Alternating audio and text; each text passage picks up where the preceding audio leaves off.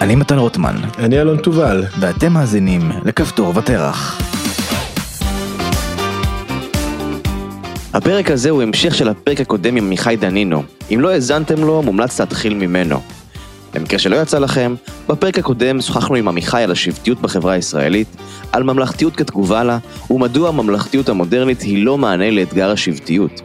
בפרק הזה נדבר על השבט הנעלם של המסורתיים והשבט המתהווה של החילונים. עמיחי טוען שהחילונים בישראל נמצאים בפני דילמה זהותית.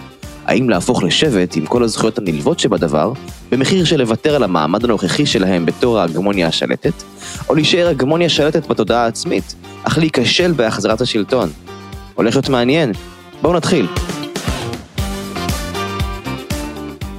אז בואו נדבר על השבט הזה שהמצאת, אה, שריבלין אה, ירומודו לא, לא, לא, לא דיבר עליו, השבט המסורתי.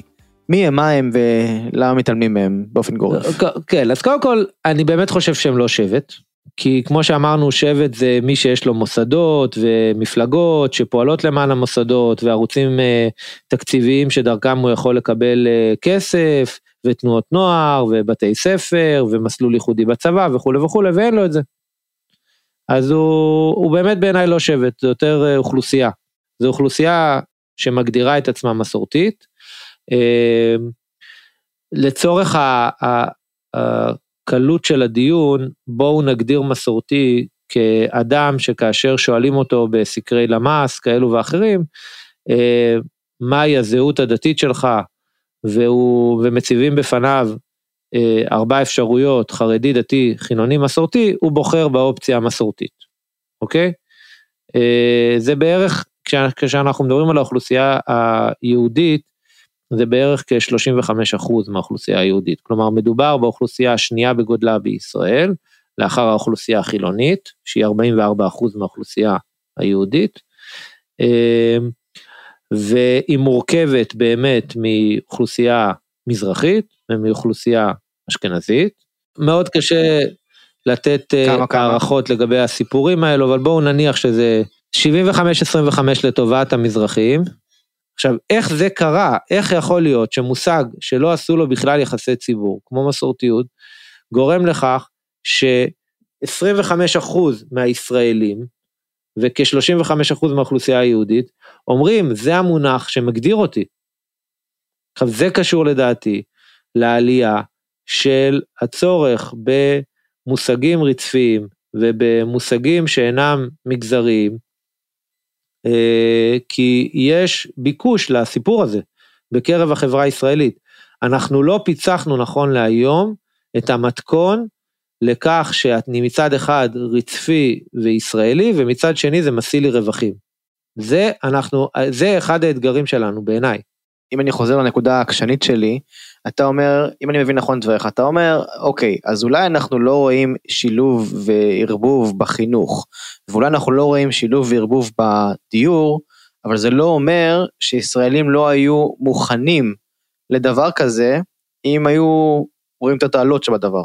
אני חושב שהמוכנות היום, למשל, בציבור הציוני דתי לחינוך משלב אה, דתי חילוני עלתה. המוכנות של דתיים לאומיים ביישובים שונים ביהודה ושומרון להכיל תופעות כמו להט"בים, כמו דתל"שים, ודאי שעלתה בשלושים שנה האחרונות. זה המדיניות של היישובים האלו השתנתה. כן, אבל הציונות, אבל אתה יודע, הציונ, הציונות הדתית היא מעין אה, אוכלוסייה אה, אה, שתמיד הייתה יותר נגיד שותף נאמן. הציבור החילוני השתנה מאוד, תשמע, האליטה, הסיפור של כאילו, אתה יודע, סתם לדוגמה, לשמוע עומר אדם. לפני 20 שנה או היום, זה בציבור החילוני, זה השתנה בצורה דרסטית. זה מעניין, כי מה שאתה מתאר בעצם זה דינמיקה של פעפוע אה, לא סינכרוני בין השבטים השונים. זאת אומרת, לא כל שבט מוכן באותה מידה לקלוט לתוכו דיפוזיה של שבטים אחרים. לכל שבט יש את המוכנות שלו לקבל דברים מסוימים משבטים אחרים, אבל לא מכולם נכון, באותה... נכון, אני אגיד את זה אפילו אחרת, זה שאנחנו קוראים לכולם בשם שבט זה לא מדויק. כי כל שבט, כי, כי זה נותן קצת אה, okay. אוקיי. הרגשה כאילו כל שבט מתנהג בצורה דומה לשבט האחר. אבל זה לא נכון, כי כל שבט הוא נמצא בסיטואציה אחרת, זה ממש נושא לשיחה ארוכה, אבל בגדול, השבט החילוני הוא הגמוניה, אוקיי? והוא, והוא, והוא שבט שמתאפיין כן. אה, בתחושת אחריות מאוד גדולה כלפי החברה הישראלית. האסטרטגיה, אחת המרכזיות שלו היום זה גיוון, כלומר, הוא יודע בתוך הבית ספר הממלכתי שלו בתל אביב, אה, להכיל מורה חרדית, דתית לאומית, ערבית וחילונית ומסורתית, כי הוא מבין שזה המקום שלו, זה המקום שבו אה, צריך להכיל את החברה הישראלית.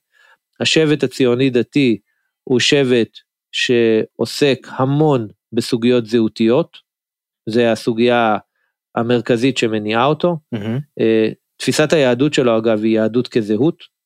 מה, ש, מה שלא נכנס במסננת הזהותית, מאוד קשה לה, ההלכה שאיננה נכנסת במסננת הזהותית, מאוד קשה לה לעבור בקרב הציונות הדתית. כלומר, יש איזושהי תפיסת עולם כזאתי, שכל ההלכה צריכה להתחבר לתפיסת העולם שלי. זה תפיסת עולם מאוד מאוד לא אינטואיטיבית, שממש לא הייתה, היא, היא לא מאפיינת אה, ציבורים, בטח לא את הציבור החרדי אגב. אה, אגב, היא גם לא מאפיינת את הציבור המסורתי. אה, והיא ודאי לא אפיינה יהודים לאורך הדורות, כן? ויש לו תפיסה החרדים גם לא, החרדים, החרדים התפיסה שלהם זה שבט כקהילה, כלומר שבט כאוטונומיה. החרדי, המטרה, אני אגיד עוד מילה על הדתי-לאומי, הדתי-לאומי הוא הגמוניה מתחרה לחילוני. החרדי, הוא לא רוצה להיות הגמוניה מתחרה. הוא לא שואף להיות אה, אליטה משרתת ישראלית, הוא, הוא מבקש, אל תיגעו לי בישיבות. כלומר, תשמרו על האוטונומיה שלי. והערבי, זה קבוצת מיעוט, שגם בתוך מדינת לאום, וההתנהגות שלה השבטית היא, היא שונה לחלוטין, כי שוב, האיומים עליה הם שונים, האפליה שהיא, שהיא, שהיא סובלת היא שונה לחלוטין וכולי וכולי. זה מאוד מעניין מה שאתה אומר, בעצם אתה אומר זה לא שבטים, זה אימפריות. זה אימפריות שלכל אחד מהם יש את האופי שלה, ואת האסטרטגיה שלה, ואת השטחים שלה, ואת איך שהיא תופסת את המרחב שלה. כמו האסטרטגיה, כמו האימפריה הרומית לעומת האשורית והבבלית ולעומת היוונית וה... אה, נכון, ובוא נגיד שאתה רוצה לעשות שינוי חברתי במדינת ישראל, נגיד בתחום של עמיות או פמיניזם, אז אתה צריך תמיד לעבוד בשתי קומות. Mm-hmm. יש את הקומה התיאורטית הכללית, הכלל ישראלית, הרצפית, שבו אתה מקדם את הרעיון עצמו, אוקיי? מהו פמיניזם, או מהו הקשר החדש בין ישראל לבין התפוצות. ואז יש תהליך שבכל תהליך חברתי במדינת ישראל שהצליח, אנחנו רואים אותו, שבו מתורגמת האג'נדה הכללית לקורדינטות השבטיות. כי פמיניזם דתי, פמיניזם חרדי, פמיניזם ערבי, פמיניזם מסורתי ופמיניזם חילוני זה לא אותו פמיניזם. זה צריך לעבור דרך מסננות שונות, דרך אה, תפיסות עולם שונות. אם אני רוצה לקדם את מערכת היחסים בין ישראל לתפוצות, אם אני רוצה לקדם אותה בציבור החרדי, אני צריך לעשות את זה באופן אחד, בציבור המסורתי באופן אחר, בציבור הציוני דתי באופן אחר, בציבור הערבי באופן אחר, ובציבור החילוני גם כן באופן אחר. כלומר, בסופו של יום, האתגר שלנו זה שאם אנחנו רוצים אה, לק, ל, אה, לקדם מהלכים בחברה הישראלית, אנחנו תמיד חייבים לדבר בשתי שפות, שפה כללית רצפית ושפה שבטית. טוב, מעניין.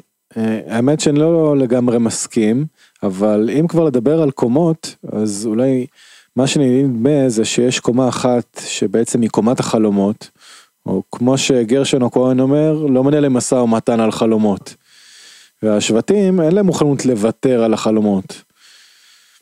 אז יש איום של החלום של השבט האחר שאותו לא ניתן לקבל. ואז מה אתה אומר? שיש מרחב של הסכמה שהוא מתחת לגובה החזון. ששם אם אנחנו נדבר על מדיניות מחר בבוקר אז כולנו נסכים. אבל אם נגיד שהמדיניות מחר בבוקר היא לקדם את החלום שלי, אז, אז אנחנו בבעיה. וכאילו המרחב הזה חסר. אז אני רוצה לקחת את מה שאתה אומר, זה דברים שאמר לי פעם מוישי ויינשטוק שהיה יו"ר המזכירות הפדגוגית. הוא אמר לי, תקשיב, אתה צריך להבחין בין תקווה לפחדים. שבטים זה פוליטיקה של פחדים. רצפיות זה פוליטיקה של תקווה. כלומר, מה זה, מה זה, בסוף יש לנו גם פחדים וגם תקווה.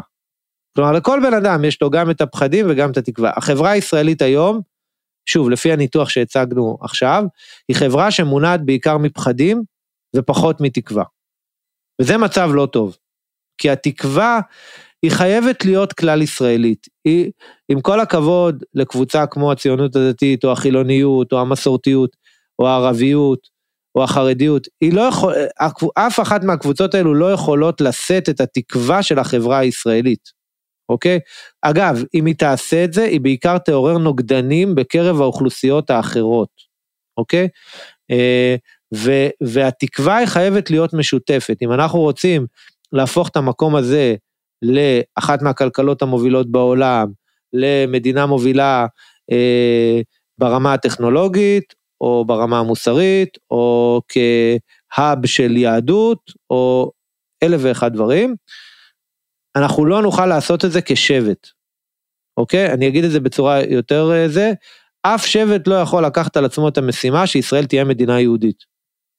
אף שבט, כי ברגע שזה יהיה משימה של שבט, היא לא תהיה מדינה יהודית. אף שבט לא יכול לקחת על עצמו את המשימה שישראל תהיה מדינה דמוקרטית. אגב, ברור לכם שזה חלוקות, זה, זה ה...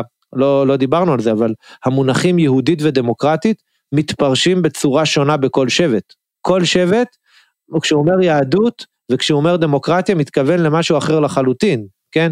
יהדות בשבט החילוני זה יהדות כתרבות, דמוקרטיה דמוקרטיה של זכויות אדם, יהדות בשבט הציוני דתי זה יהדות כזהות, דמוקרטיה זה דמוקרטיה של הכרעת רוב, יהדות בשבט החרדי זה יהדות כקהילה שצריך לשמור עליה, אה, על טהרת הקודש, הדמוקרטיה זה איסור פגיעה במיעוטים ואוטונומיה של מיעוטים, ובערבים יהדות זה לאום, והסיפור הדמוקרטי זה גם כן שוויון, שוויון והגנה על מיעוטים. כלומר, גם ביטויים שכאילו כביכול הם אותם המס שפתיים שאנחנו משלמים כל מקום, שאנחנו אומרים שישראל היא מדינה יהודית ודמוקרטית, שימו לב שכל שבט כשהוא קורא את המילים יהודית ודמוקרטית, הוא קורא אותם בצורה שונה לחלוטין ואף הפוכה מהשבט האחר.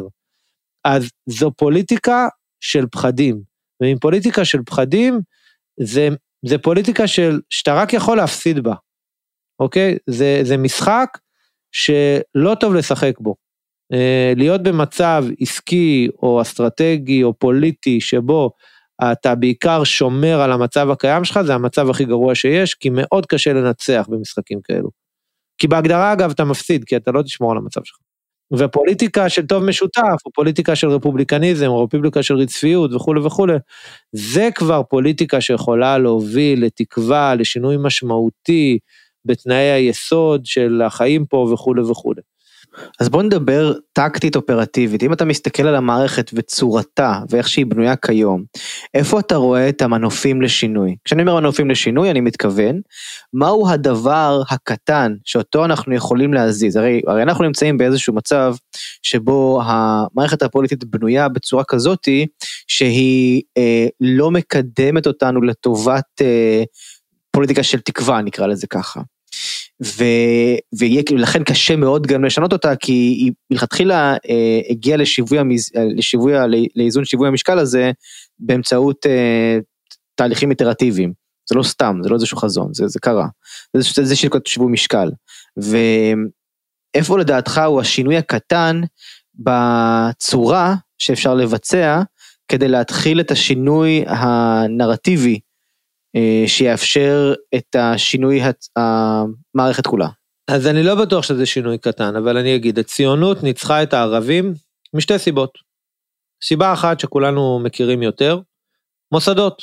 היינו יותר מאורגנים, ידענו להתארגן, ידענו לבנות צבא הרבה יותר יעיל, הרבה יותר מהיר, היינו מוכוונים לזה, ידענו להקים אה, פעילות בינלאומית ממוסדת, נכון. הסתדרות וכולי וכולי. היינו מאוד מאוד מוכוונים לזה, כולל אגב רבנות ראשית.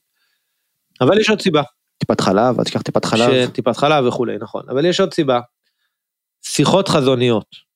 הצ... המוסדות הישראלים, הציוניים, נוסדו לאחר עשרות שנים שבהם מתקיים שיח חזוני, ער, תוסס, עמוק, בשאלות היסוד של החברה הישראלית העתידית.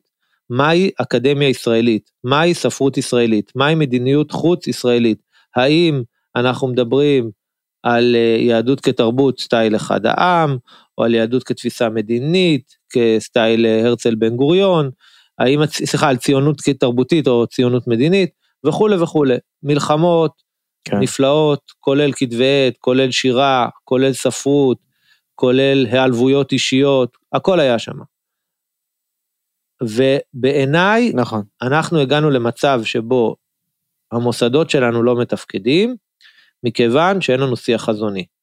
בלי שיח חזוני, בלי חזרה לאותה תקופה שבה נדון בשאלה מהי תרבות ישראלית, מהי אקדמיה ישראלית, מהו, מהו צבא ישראלי וכולי וכולי, אנחנו לא נצליח לקדם ולייצר פוליטיקה של תקווה. והבעיה הקשה היא שהיום המערכת הממשלתית וגם במובנים רבים המערכת התקשורתית והחברתית בחלקים נרחבים שלה, מונעים שיח כזה. לא מעוניינים לדון בשאלה מהי דמות הבוגר במשרד החינוך. אם מישהו יעלה את השאלה, יגידו, תקשיבו, זה לא פרקטי. מה אתם מעלים את זה בכלל? או מה נעשה עם זה? הרי השר מתחלף מחר בבוקר, אז... אה, וזה מוביל את המערכות שלנו לאמץ אה, פתרונות שהם טלאי על גבי טלאי, שלא משנות את האופן שבו אנחנו עושים במדינת ישראל חינוך, רווחה, תרבות, בריאות, דיור וכולי וכולי. אה, וזה בעיניי השינוי הגדול שאנחנו צריכים לאמץ. עכשיו, הוא לא יבוא מהממשלה. כלומר, הממשלה לא יכולה להוביל שינוי כזה, כי היא כרגע כבולה לסיפור השבטי. אין יכולת לפקידות הממשלתית להוביל את, ה, את הסיפור החזוני המחודש הזה, זה חייב להיות בהתארגנות חוץ ממשלתית. נשמע הגיוני. כן. אה, אה, סך הכל שהפקידים... אה, אגב, זה לא, ש, זה לא שבעתיד הם לא יוכלו, הם יוכלו, אבל כרגע זה, זה מאוד קשה, כי מערכת היחסים עם הפוליטיקה והכל הוא פוליטי והכל הוא רגיש. זה, אני לא, כאילו, אני לא שותף לתפיסה שבאה ואומרת, אני אגיד את זה אחרת, בתפיסת העולם של בן גוריון, אה, פקידים הם שחקנים מאוד מאוד מאוד משמעותיים. מי שחושב שאפשר להגיד לפקיד לא להחליט החלטות ערכיות, הוא לא מבין מה זה פקידות. או הוא רוצה, או, או הוא רוצה רק להפריט, או לקבור אותה. אין דבר כזה אה, מצב שבו גנרל, אה, סמנכ"ל בכיר משרד חינוך או משרד הרווחה לא עוסקים בשאלות ערכיות. החלוקה הזאתי שפוליטיקה זה סוגיות ערכיות ופקידות זה סוגיות ניהוליות, היא פשוט לא נכונה ברמת היום יום. ואפרופו הסיפור שמספרים, אז זה למשל אה, סיפור מתן שהם מספרים לנו, שאומרים לנו אפשר לעשות את החלוקת אה, עבודה הזאת שהפוליטיקאים יעסקו בשאלות הערכיות וה, והפקידים בשאלות ה... נקרא לזה הניהוליות והיישומיות, אבל כולנו יודעים, כל מי שהיה חמש שניות במשרד ממשלה, שזה לא עובד. מהרבה מאוד סיבות, כן, אפשר להיכנס לעומק, אבל זה, זה לא עובד מהרבה מאוד סיבות. כן, המודל ההרמטי הזה הוא מודל מאוד מיושן, נהוג אה, לפחות בחוגי המדע המדינה לדבר על מודל שבו ברמות הגבוהות כולם עוסקים בפוליטיקה וברמות הזוטרות כולם עוסקים באדמיניסטרציה, וזה לא חשוב אם אתה דרג נבחר או דרג ממונה. אגב, שים לב שככל שאתה הולך לעולמות של ביזור, לעולמות שבהם אתה מוריד סמכויות ללמטה, אז אתה גם מוריד את השאלות הערכיות לשם, בעיריות כן? כאילו בסופו של יום, אם אני היום עושה גפת נכון. במשרד החינוך ואני נותן אוטונומיה לבתי הספר, אני למעשה מוריד את הסמכויות לרמת מנהל בית הספר. עכשיו תשאלו אותי, מי בחר במנהל בית הספר? עכשיו ברור לכולם שסמנכ"ל משרד חינוך, המעורבות של שר בבחירה שלו היא הרבה יותר גבוהה מאשר המעורבות של שר בבחירה של מנהל. אז ההצדקה התיאורטית שקיימת למעורבות ערכית של סמנכ"ל היא הרבה יותר גבוהה מאשר ההצדקה התיאורטית שקיימת למעורבות מנהל לפי התפיסה הזאת. בקיצור, אני, אני רק בא ואומר שהסיפור שה, ההרמטי הזה, אה, אגב, הוא מאוד קשור לממלכתיות רזה, וב' אה, הוא לא בדיוק עובד, ודאי לא עם תפיסות של ממלכתיות עבה, וודאי לא עם המציאות היומיומית שלנו. טוב, תראה, בסוף מה שמרחף לי מעל כל שיחתנו שהוא בבחינת אה, נגיד את זה אחרת. השאלות שאנחנו שואלים משפעות במידה רבה מהתפיסה שאיתה אנחנו מגיעים מלכתחילה וכתוצאה מזה הניתוח של הסוגיה הוא מוכתב מראש במידה רבה. למה אני מתכוון? אני מתכוון לכך שאם נקודת המוצא שלנו היא שהחברה צריכה לפעול באופן מועיל, אז אנחנו רוצים לשאול אותה שאלות לגבי התועלת.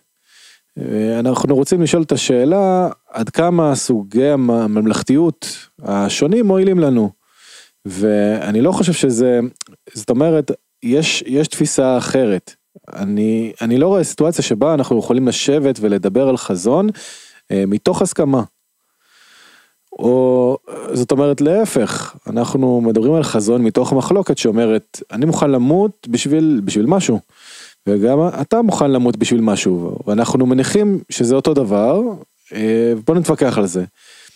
ואם לא מתחילים את הדיון מהנקודה הזאת של מה שאני מוכן למות בשבילו, אוקיי, זה מוקצן קצת, אבל, אבל זה בכיוון, אז אין באמת דיון על חזון. והפרגמטיות השתלטה. ולדעתך לא יכולה להיות הסכמה על הסוגיות האלו בחברה הישראלית? שמע, כולנו, מת... כאילו, אתה יודע, החברה הישראלית הייתה לה לאורך השנים, ואני חושב שגם היום, הסכמה מאוד רחבה על כמה מקומות שאנחנו מתקדמים. אתה יודע מה, אני חושב שזה מה שמחלק את השבטים, כי אה, אה, שוב, דיברנו על זה בפרקים האחרונים, שהציר בין המשיחיות לפרגמטיות, הוא מחלק את החברה הישראלית. וזאת אה, אומרת, ככל ששואלים את השאלה הפרגמטית, ובשאלה הפרגמטית התשובה היא שיש לנו הסכמות רבות, אבל, אה, אבל יש צד שאומר אני לא רוצה לשאול את השאלה הפרגמטית, אני רוצה קודם כל לשאול את השאלה המשיחית. וכאן אנחנו נחלקים בקומה מעל.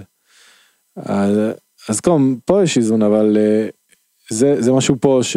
אולי עמיחי אומר, יענה בעצמו אבל אם אני מבין נכון אז מה שהוא אמר זה אנחנו לא אנחנו אפילו נכון. מנהלים את השיחה הזאת. אני שנייה, אני שנייה רוצה להתייחס לשתי הסוגיות בסדר בכמה נקודות ככה קצרות. אחד תשמעו, אתה, אתה באמת צודק במובן הזה שאפשר לראות גם במערכת הבחירות הנוכחית סוג של שיח של חרשים, בסדר?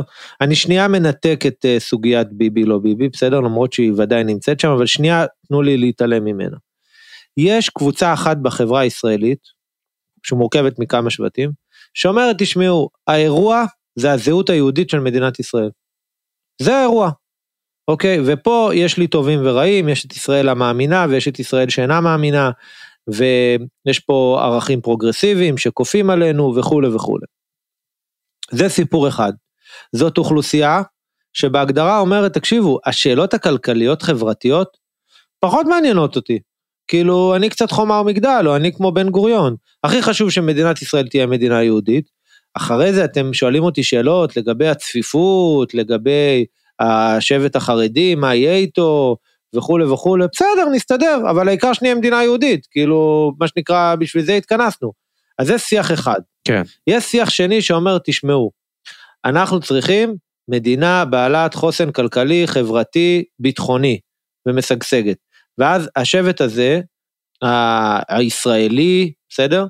אה, בא ואומר, שהוא גם יהודי וגם ציוני אגב, אומר, אומר, תקשיבו, יש לנו בעיה עם החרדים.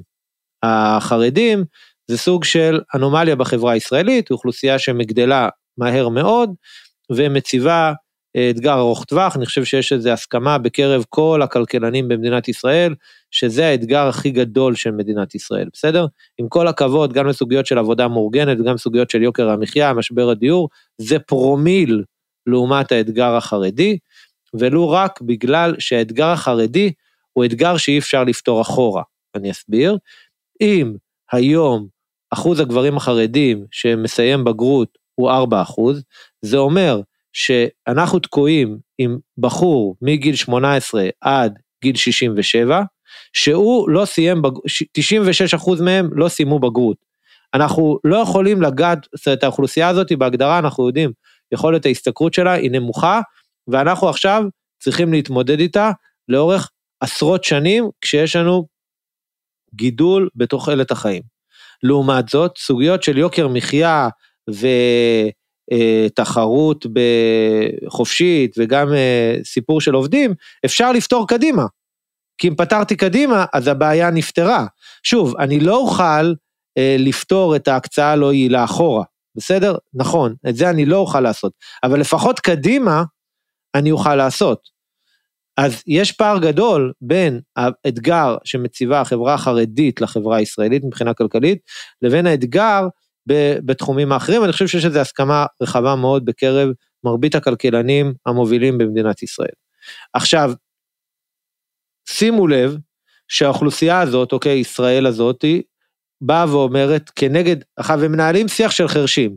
ישראל הזהותית, אומרים לה, אומרת לה ישראל הכלכלית או הביטחונית, אומרת לה, תקשיבו, האידיאולוגיה שלכם לא מסתדרת במספרים, וישראל הזהותית אומרת, לא מעניין אותנו המספרים, אוקיי? זאת אומרת, יש פה בסוף, אה, כמו שאתה אומר, מבנה של הפוליטיקה הישראלית באופן כזה שלא מאפשר דיאלוג. אנחנו חייבים לעלות למקומות שבהם אה, אפשר לנהל דיאלוג. אני קורא לזה המעבר ממקורות של הכרעה למקורות של השראה. אני אסביר. החברה הישראלית היום, יש אה, קבוצה גדולה והולכת של ישראלים שבאה ואומרת, תקשיבו, האתגר, הוויכוח הגדול בחברה הישראלית זה בין שמרנים לפרוגרסיביים. והקבוצה הזאת גם באה ואומרת קצת את הדברים שלך, אלון, תקשיב, ההבדל בין שמרנים לפרוגרסיביים, זה הבדל ב... ש... ב... בתפיסות העולם, כלומר בהנחות היסוד שלי על העולם. אין באמת שיחה בין, שמרן... בין שמרן לפרוגרסיבי, כי השמרן הוא שמרן כי יש לו הנחות כאלו על העולם, והפרוגרסיבי יש לו אה, תפיסות עולם שנגדרות מהנחות אחרות, אוקיי? וכל הפרויקט הפרוגרסיבי או השמרני זה למעשה להגיד לך, אלון, אם אתה מאמין בהנחות א', ב', ג', ד', אז אתה צריך לנקוט בעמדות האלו והאלו את, ה, את התפיסות האלו והאלו, ואם לא תתפוס, אז אני אעשה לך קאנצל בארצות הברית, או אני אקרא לך בוגד בישראל, אוקיי? זה כאילו תמצית התפיסה של אה, שמרנות ופרוגרסיביות כמקורות של הכרעה. עכשיו, מעבר לזה שזה מייצר אה, בורות, וזה גם לא נכון, כי זה מעודד כל פעם את הצד השני להיתקע בתיבת התעודה שלו, אפשר להסתכל על הדברים אה, בצורה אחרת. אפשר להסתכל על ההגות השמרנית ועל ההגות הפרוגרסיבית ועל, ה, ועל תפיסות עולם אחרות, דתיות, אה, ערביות, חרדיות וכולי וכולי, שקיימות במדינת ישראל, כמקורות השראה, כמקורות שאנחנו יכולים לקבל מהם השראה לאופן שבו אנחנו מנהלים את חיינו, אוקיי? ודרך זה לנהל דיון ענייני על הסוגיות המהותיות. וזה תפיסת עולם אחרת לגמרי, או פרדיגמה שונה של האופן שבו אנחנו מנהלים דיון בישראל. וזו שאלה באמת, באיזה פרדיגמה אתה בוחר? אני טוען שאם ישראל לא תבחר בפרדיגמה ה...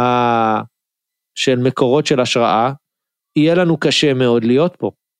פשוט יהיה לנו, שבט אחד, גדול ככל שיהיה, לא יוכל לקחת על עצמו את המשימה של מדינה יהודית או מדינה, אגב, זה מה שקורה, תחשבו על זה. הרי השבט שאומר ישראל היא אה, מדינה כלכלית, ביטחונית וכולי וכולי, הוא השבט שנושא בנטל הכלכלי וגם הביטחוני. השבט שאומר ישראל היא מדינה יהודית, טה טה טה טה טה, הוא השבט שנושא בנטל היהודי. עכשיו, ברור לכולנו, אני חושב, שזה לא יעבוד. א', כי ישראל צריכה להיות מדינה יהודית ודמוקרטית, והיא צריכה להיות מדינה יהודית עם שגשוג כלכלי, והיא לא יכולה להרשות לעצמה להיות מדינה אה, אה, ברמה של עולם שלישי, כי יהיה לה מאוד קשה אה, אפילו לעמוד בהוצאות הביטחון שלה. וצריך למצוא את האיזון הנכון. אגב, בגלל זה אני אוהב את המילה ציונות, ואני לא אוהב את המילה, את הצמד המילים יהודית ודמוקרטית. למה? כי ציונות עושה שני דברים. אחד, הוא מדבר על וקטור, כלומר על תנועה, בסדר? אה, יש שיקראו לה משיחית. ושתיים, הוא בעצמו אומר לך, אני כבר מתיך, אני כבר עושה איזושהי הלחמה או איזשהו איזון בין המונחים יהודי ודמוקרטי.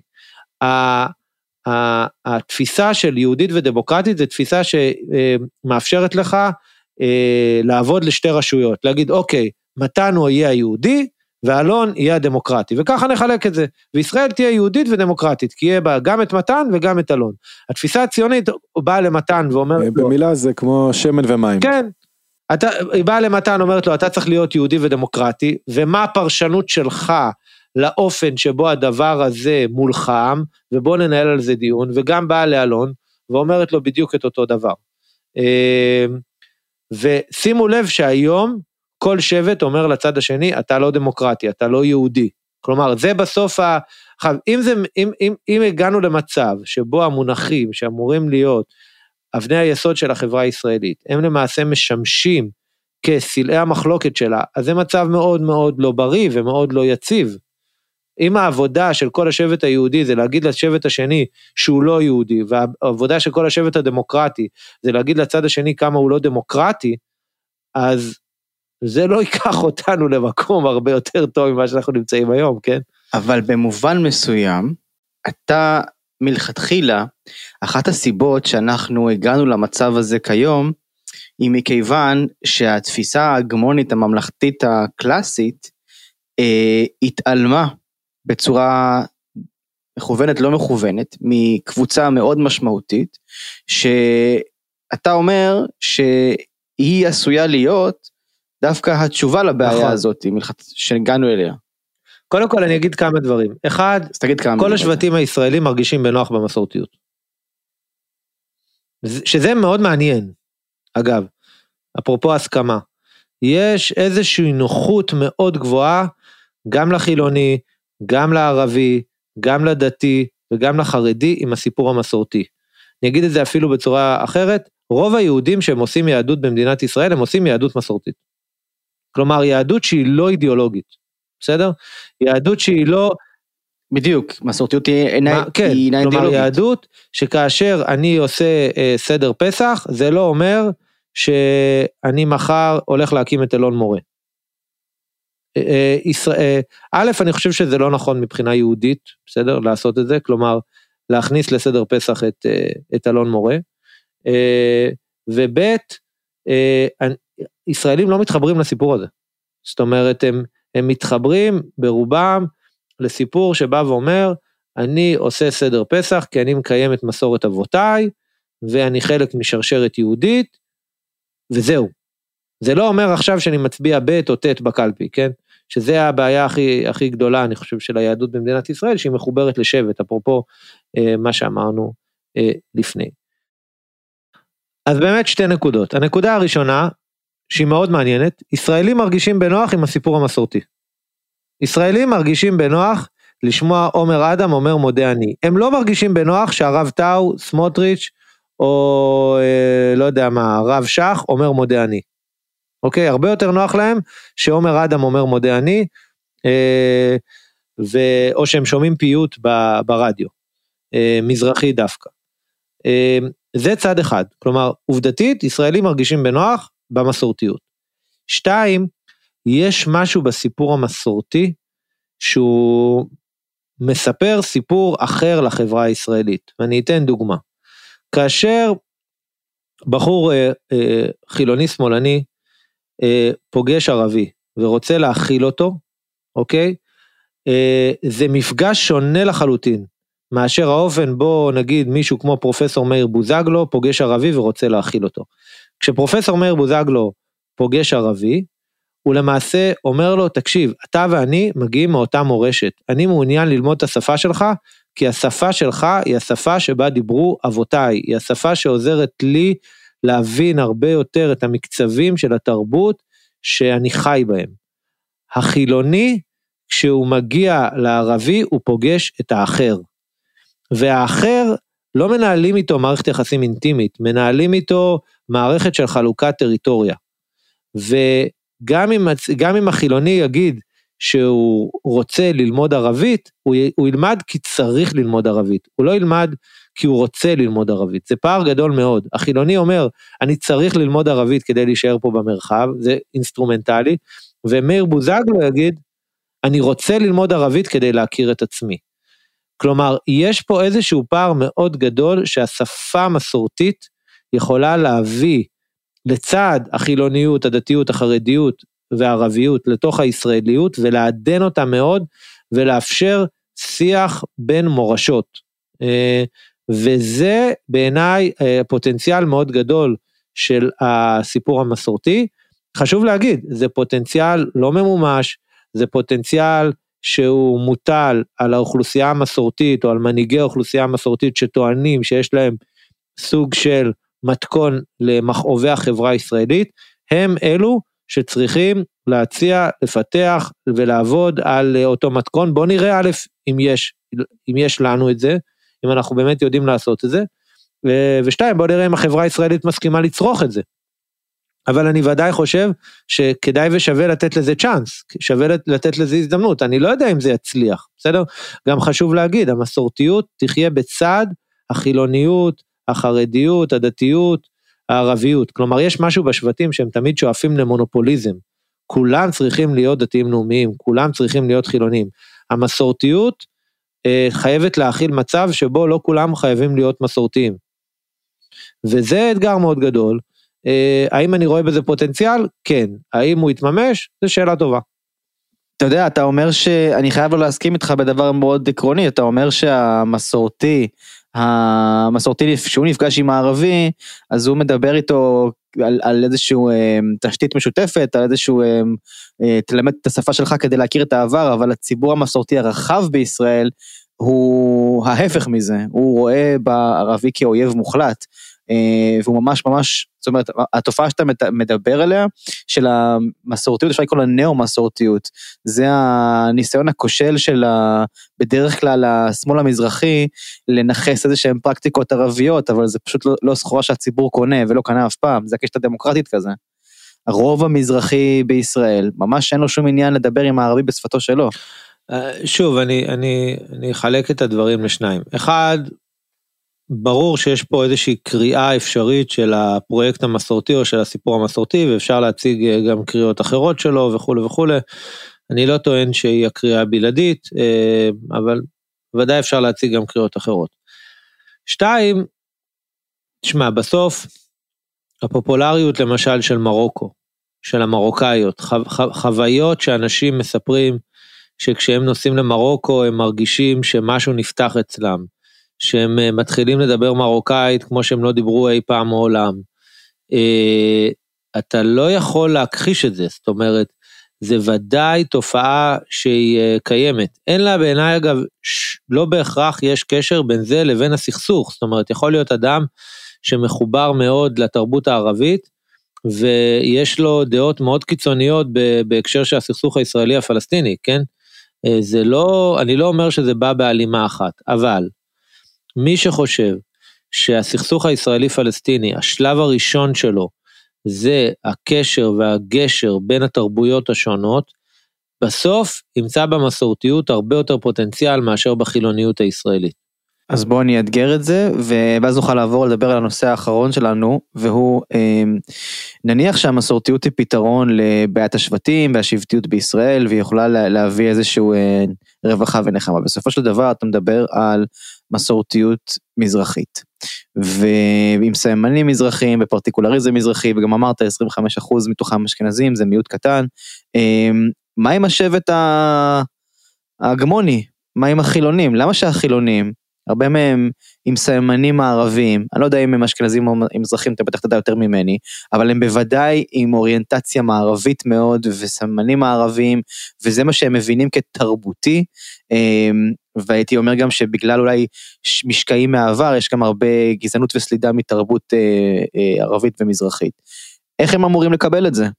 שוב, אחד, החילוניות תחיה לצד המסורתיות. אני לא מאמין שתהיה לנו תפיסה ישראלית מונופוליסטית כזאתי, מונופ... אה, מסורתיות סטייל כור היתוך, שבאמת אה, תהרוג, תכריע, תשמיד את החילוניות הישראלית או את המערביות. אני חושב שהמסורתיות היא מוצר משלים לחילוניות הישראלית, אה, ויש בה הרבה פוטנציאל לעשות את זה.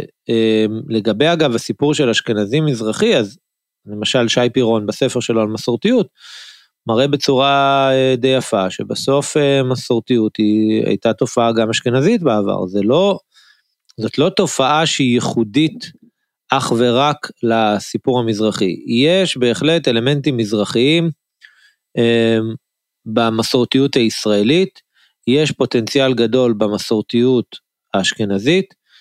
אני גם חושב שמרבית היהודים החילונים האשכנזים שהם עושים יהדות, הם עושים יהדות מסורתית. הם למשל לא עושים יהדות כתרבות. אגב, זאת שאלה מאוד מעניינת. מדוע יהדות כתרבות לא הצליחה לכבוש לבבות של הרבה מאוד ישראלים? ו...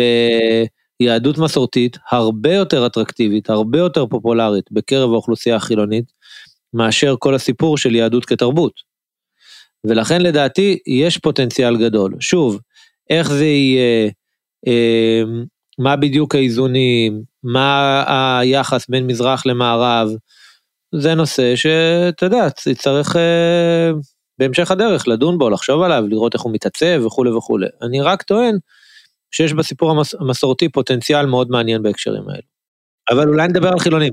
אז בוא נדבר על השבט האחרון. יאללה, בוא נעשה משהו על חילונים, השבט אה, הנכחד. או להפך. השבט הרוב השולט. המתהווה, כי הוא לא היה שבט, הוא נולד כשבט, לא? זה... זהו, הוא היה בעל בוא הבית, באמת נכון. נדבר על חילונים. זאת אומרת, פעם ראשונה שאפשר לדבר על המגזר החילוני, ממש. כן, אז אני חושב שזה בדיוק ה- הסיפור הגדול, כי בסופו של יום אנחנו מדברים על שבטים ושבטים ושבטים ושבטים. האוכלוסייה הכי גדולה במדינת ישראל היא אוכלוסייה חילונית. היא האוכלוסייה שנושאת במרב הנטל הכלכלי והביטחוני של מדינת ישראל. אה, אני אדבר כרגע רק מבחינה מספרית, כן? אה, לא, בלי קשר כרגע לשאלה האיכותית, אבל אפילו רק מבחינה מספרית, היא נושאת במרב הנטל הזה. אה, מבין שאר השבטים, ולו רק בשל גודלה. ויש בעיה מאוד קשה, כי האוכלוסייה הזאת היום, א', נמצאת במצב שבו היא לא רואה שלטון הרבה מאוד זמן, וזה אנומליה אה, מאוד משמעותית בדמוקרטיה, שבה אוכלוסייה שבסוף אה, תורמת ומסבסדת אה, הכי הרבה, אה, היא לא חלק מהשלטון. אה, רגע, רגע, אתה, אתה, שנייה פה, אתה אומר בעצם, שזאת אומרת שצריך להסביר אותה, למשל שהליכוד הוא לא מפלגה חילונית. נכון, לא חי- בעצם אני- חילונים. יש בישראל, אני חושב שכל סוקר יודע להראות את זה, שבישראל אה, המפלגות מסתדרות לפי השבטים, והם לא זזים הרבה גם. אה, כלומר, יש תזוזה, היא לא, היא לא גבוהה, בטח לא במערכות האחרונות, וזה נכון שמרבית השחקנים או הפרטים החילונים מצביעים יותר למפלגות שמאל מרכז. אם אני לא טועה, אפילו היה מחקר מאוד מעניין, שהראה איך מזרחים שמגדירים את עצמם חילונים מצביעים יותר לשמאל מרכז. כלומר, ההגדרה שלך כחילוני היא קשורה מאוד בהגדרה הפוליטית שלך בישראל. אה, ולכן זה, אה, זה באמת הולך ביחד. וכלפי השבט הזה יש אתגר מאוד מאוד גדול שהצבתם אותו בתחילת הדרך, כי הוא למעשה נמצא בס, בס, בסוג של צומת, כי העולם השתנה, הוא כבר לא הגמוניה. הוא היה בעבר הגמוניה שקופה, זאת אומרת החילוני היה אותו ישראלי אה, שלא צריך להוכיח שהוא ישראלי. אה, מעין יאיר לפיד כזה, שהוא התגלמות הישראליות, כמו ששאלו פעם את טומי לפיד, מי ישראלי בעיניך? אז הוא אמר הבן שלי. כן, זה כמו אה, אלי אמיר בתרנגול כברות, בעצם מה מה נכון. הדיפולט שאליו מת- מתמרכזים. עכשיו הרבה שנים, הצבר? הרבה שנים, יאיר. לפיד היה ישראלי, אגב, בתקופתי למשל, יאיר לפיד היה ישראלי, היה ישראלי גם בבני עקיבא. כאילו מבחינת, אה, כשאני הייתי בבני עקיבא, אז כאילו הטורים של יאיר לפיד בידיעות, זה היה, מה זה הישראליות. אה, כלומר, גם מבחינת השבט הציוני דתי, הייתה הכרה בזה שיאיר לפיד הוא הישראלי היפה. והדבר הזה השתנה. זה כבר לא נכון היום, אוקיי? ו... ואז זו שאלה מאוד גדולה, מה השבט החילוני עושה. אה, עכשיו, אני מזכיר שוב, זה השבט הכי גדול פה, כלומר, זו האוכלוסייה הכי משמעותית. יש פה, יש אנשים שנוטים לבלבל בין תחזיות לבין המצב הנוכחי. זה שהחרדים הולכים להיות שבט מאוד גדול, אגב, הם לא הולכים להיות השבט הכי גדול, לפחות לא בטווח הקצר, אלא שבט מאוד גדול, זה לא אומר שהיום הם שבט מאוד גדול, וזה גם לא אומר שזה שהלמ"ס אומר שבהינתן זה שכל ההנחות העבודה שלו יעבדו, אז הם יהיו בגודל כזה וכזה, הם באמת יגיעו לזה, כן? אה, ואנחנו אסור לנו להתנהג באופן כזה, שבו אנחנו מניחים היום שאנחנו כבר במצב של 2065 עם 40-30 אחוז חרדים. זה תהיה טעות אסטרטגית. אנחנו צריכים להתנהג כאילו היום יש לנו אוכלוסייה שרובה הגדול הוא חילוני, כלומר האוכלוסייה הכי גדולה היא חילונית, אחריה מסורתיים, וזה הרוב של החברה הישראלית, ולצידם יש דתיים, חיל, אה, אה, חרדים וערבים. וזה האופן שבו אנחנו צריכים להתייחס אסטרטגית לחברה הישראלית. אסור לנו להניח שהעתיד הוא כבר פה, זה ממש טעות. ועכשיו השבט החילוני ניצב בפני אתגר מאוד גדול, כי מצד אחד יש עליו לחצים להפוך להיות מגזר, אבל מצד שני, אם הוא יהיה מגזר, הוא סוג של יאבד מכוחו. כי אז יתחילו לספור אותו, ואז יגלו שיש לו ייצוג יתר בהרבה מקומות, וזה יכול לפעול לרעתו. ולכן השבט החילוני נמצא בעיניי בדילמה האסטרטגית הכי מעניינת בחברה הישראלית. למרות שהוא נושא בנטל אה, הגדול ביותר של המיינטננס. נכון. במובנים. בוודאי, הוא גם יש לו את תודעת האחריות, אי אפשר לקחת להם את זה. ואת תודעת, אבל גם את תודעת הפריבילגיה, הוא אומר, אני נושא הכי הרבה בנטל. נכון, יש לו תודעה של אליטה משרתת, או הגמוניה, בסדר, אני יותר אוהב אליטה משרתת מאשר הגמוניה, כי אליטה משרתת זה משהו חיובי, ואני חושב שסך הכל חברה לא יכולה להתקיים בלי אליטות משרתות. הן פשוט רק מתחלפות, כן, הן אף פעם לא, אה, זה לא שיש חברה בלי אליטה משרתת. כמו פראיירים. ובאמת זה האתגר הכי גדול של השבט החילוני, מה קורה כשאני מפסיק להיות אה, שקוף, ופתאום רואים אותי כשבט, ומתייחסים אליי כזה. השבט החילוני הפך למעשה לעורך של הפלייליסט. כלומר, מה, מה הוא עשה? בהתחלה הוא היה הפלייליסט, בסדר? היה גבעטרון והכל, והוא היה הפלייליסט, נכון. והוא לא הרשה לאף אחד לשים מוזיקה אחרת. ואז הוא הפך להיות העורך. אם אתה רוצה להישמע אתה צריך להיות אה, נכון. ארגוב, אתה לא יכול להיות ואז הוא הפך להיות העורך. כלומר, הוא אומר, אוקיי, אני ממנן, יהיה ככה מזרחי, ככה דתי, ככה חרדי, ככה ערבי, ככה חילוני. העורך זה, זה, mm-hmm. זה סיטואציה מאוד אה, נוחה, כי אף אחד לא רואה אותך, ואתה למעשה זה שקובע אה, איך ייראו החדשות. כלומר, השחקן הכי חדש בחדשות 12 זה העורך. אבל כולנו רואים בסוף לא את העורך, אנחנו רואים את עמית נכון. סגל ואת יונית לוי ואת אה, שרקי אה, ודפנה ליאל וכולי וכולי, אבל בסוף השחקן הכי גדול במערכה אנחנו לא רואים אותו. הוא בסוף השחקן שמכריע איזה כתבות יעברו, מה, מה יהיה זמן המסך של כולם, הוא השקוף, הוא, הוא מה שלא רואים. מה שקרה בחברה הישראלית זה שנתנו לשחקנים כמו עמית סגל את הבמה, והוא הפך להיות טאלנט מטורף, ובאמצעות ערוצים אלטרנטיביים, הפך להיות שחקן לא פחות גדול, עם מותג לא פחות חזק מחדשות 12, כלומר, מהכוח של העורך, ואז מה שקרה, החילוניות הישראלית נמצאת במצב מאוד מאוד קשה, כי המשמעות של לצאת כרגע משולחן העריכה, היא א', יכול להיות לחטוף מפלה בזמן הקצר, כי כרגע הקבוצות האינטרס או הטאלנטים הצליחו להשתלט על צמתים שבעבר לא היו שלהם, ואם הם ייכנסו לקרב של הטאלנטים, אז הם פתאום ימצאו את עצמם בסיטואציה אה, שבה הם נמצאים בעמדה נחותה. אבל מצד שני, אם הם ימשיכו לנקוט בעמדת העורך, הטאלנטים יאכלו אותם. זה מה שקורה. כלומר, הבעיה היא אחרת לדעתי, זה לא רק שהם יאכלו אותם, אלא גם שבעצם כשאתה עורך, מה יש לך שאין, שאין לטאלנטים? אחריות. והיום במצב הנוכחי, הטאלנטים לוקחים יותר ויותר חלקות, מבלי לשאת בשום אחריות. ולרדת מכיסא העורך יכריח את הטאלנטים מהצד השני להתחיל לקחת גם אחריות. ואני חושב שאתה מתאר את זה יפה מאוד, יש פה דילמה כפולה. נכון, השבט החילוני או החילונים, הם, אם הם יעזבו את הכס, אז הם יוותרו על האחריות ועל הסמכות שלהם, אבל מצד שני, הם ירוויחו את ההזדמנות והפוטנציאל ל, ל, ל, ל, לספר לעצמם מי הם, או להבין מה הם יכול, איך הם יכולים לשכנע שוב. שבעצם יש, יש בעצם trade off בין אוטונומיה, שאנחנו משתוקקים לה, לבין היכולת uh, להיות בעמדת המנהל. נכון, זה אתגר מאוד מאוד קשה לשבט החילוני במדינת ישראל. אגב, הוא אף פעם לא, כמו שאמר אלון בהתחלה, הוא ממש לא אוהב להגיד שהוא שבט, הוא לא אוהב להגיד שהוא מגזר, אה, הוא אף פעם לא רואה את עצמו ככזה. אגב, זו האוכלוסייה שאנחנו יודעים עליה הכי מעט.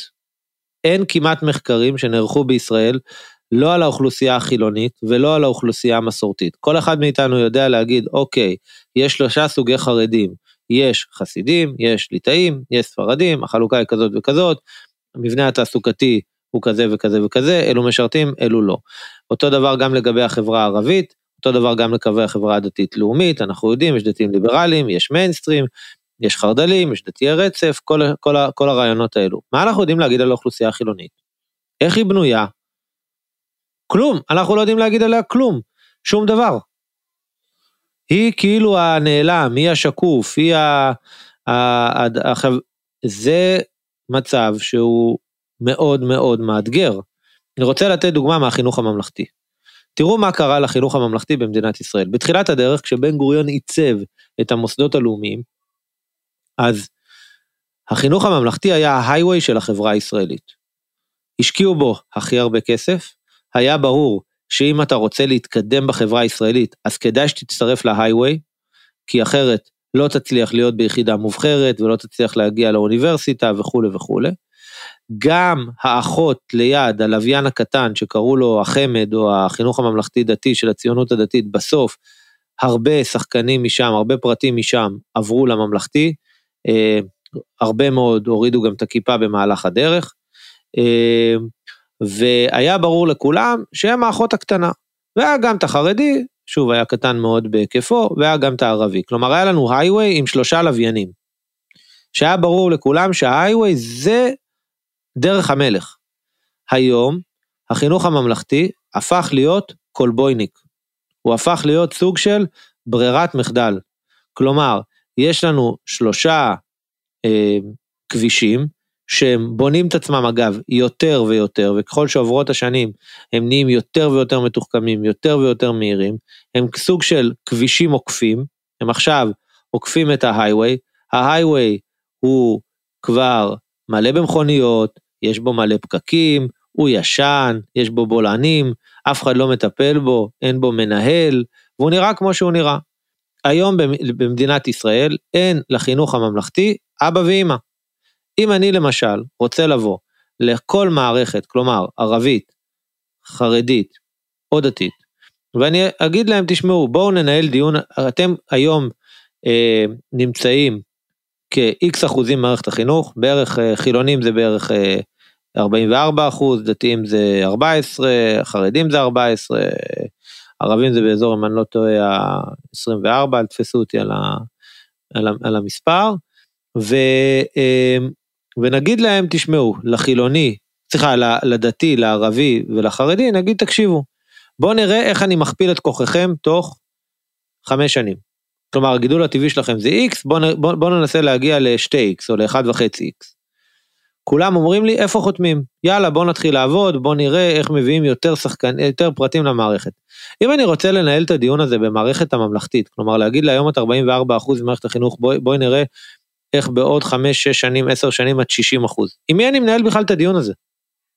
אין אף פונקציה במשרד החינוך שאני יכול בכלל להיכנס אליו לחדר ולהגיד אני רוצה לדבר איתך על משהו. כי זה מערכת חינוך שאין לה אבא ואימא. שוב, היא השקופה, וזה קטסטרופה, תראו מה קורה בעולם המכינות, אוקיי? המכינות זה סוג של הייווי uh, לחברה הישראלית, בסדר? Uh, דרך uh, מיטבית. תחנה. החברה החילונית הזניחה אותם. יש שם מכסות uh, מאוד נמוכות, בטח אלון יודע להגיד על הפער בין הביקושים לבין ההיצע, ו, ו, ובעוד שבחברה הדתית חוגגים, חברה החרדית והערבית אני בכלל לא מדבר, כי שם יש פטורים, אז החברה היחידה שמגד... ש, ש, ש, שמגבילים אותה זה החברה החילונית והחברה המסורתית. וזו סיטואציה מאוד מאוד בעייתית. טוב עמיחי היה תענוג היה מרתק תודה רבה רבה לך אה, כבוד ויוקרה החיים מתחלקים בשניים לפני ואחרי תודה רבה רבה. לכם תודה רבה תודה תודה. יאללה חברים נשתמע בפרק הבא ביי ביי ביי ביי. תודה שהאזנתם לכפתור ותרח, תוכנית על אקטואליה, פוליטיקה, חברה, פילוסופיה ומה שביניהם. נתראה שבוע הבא.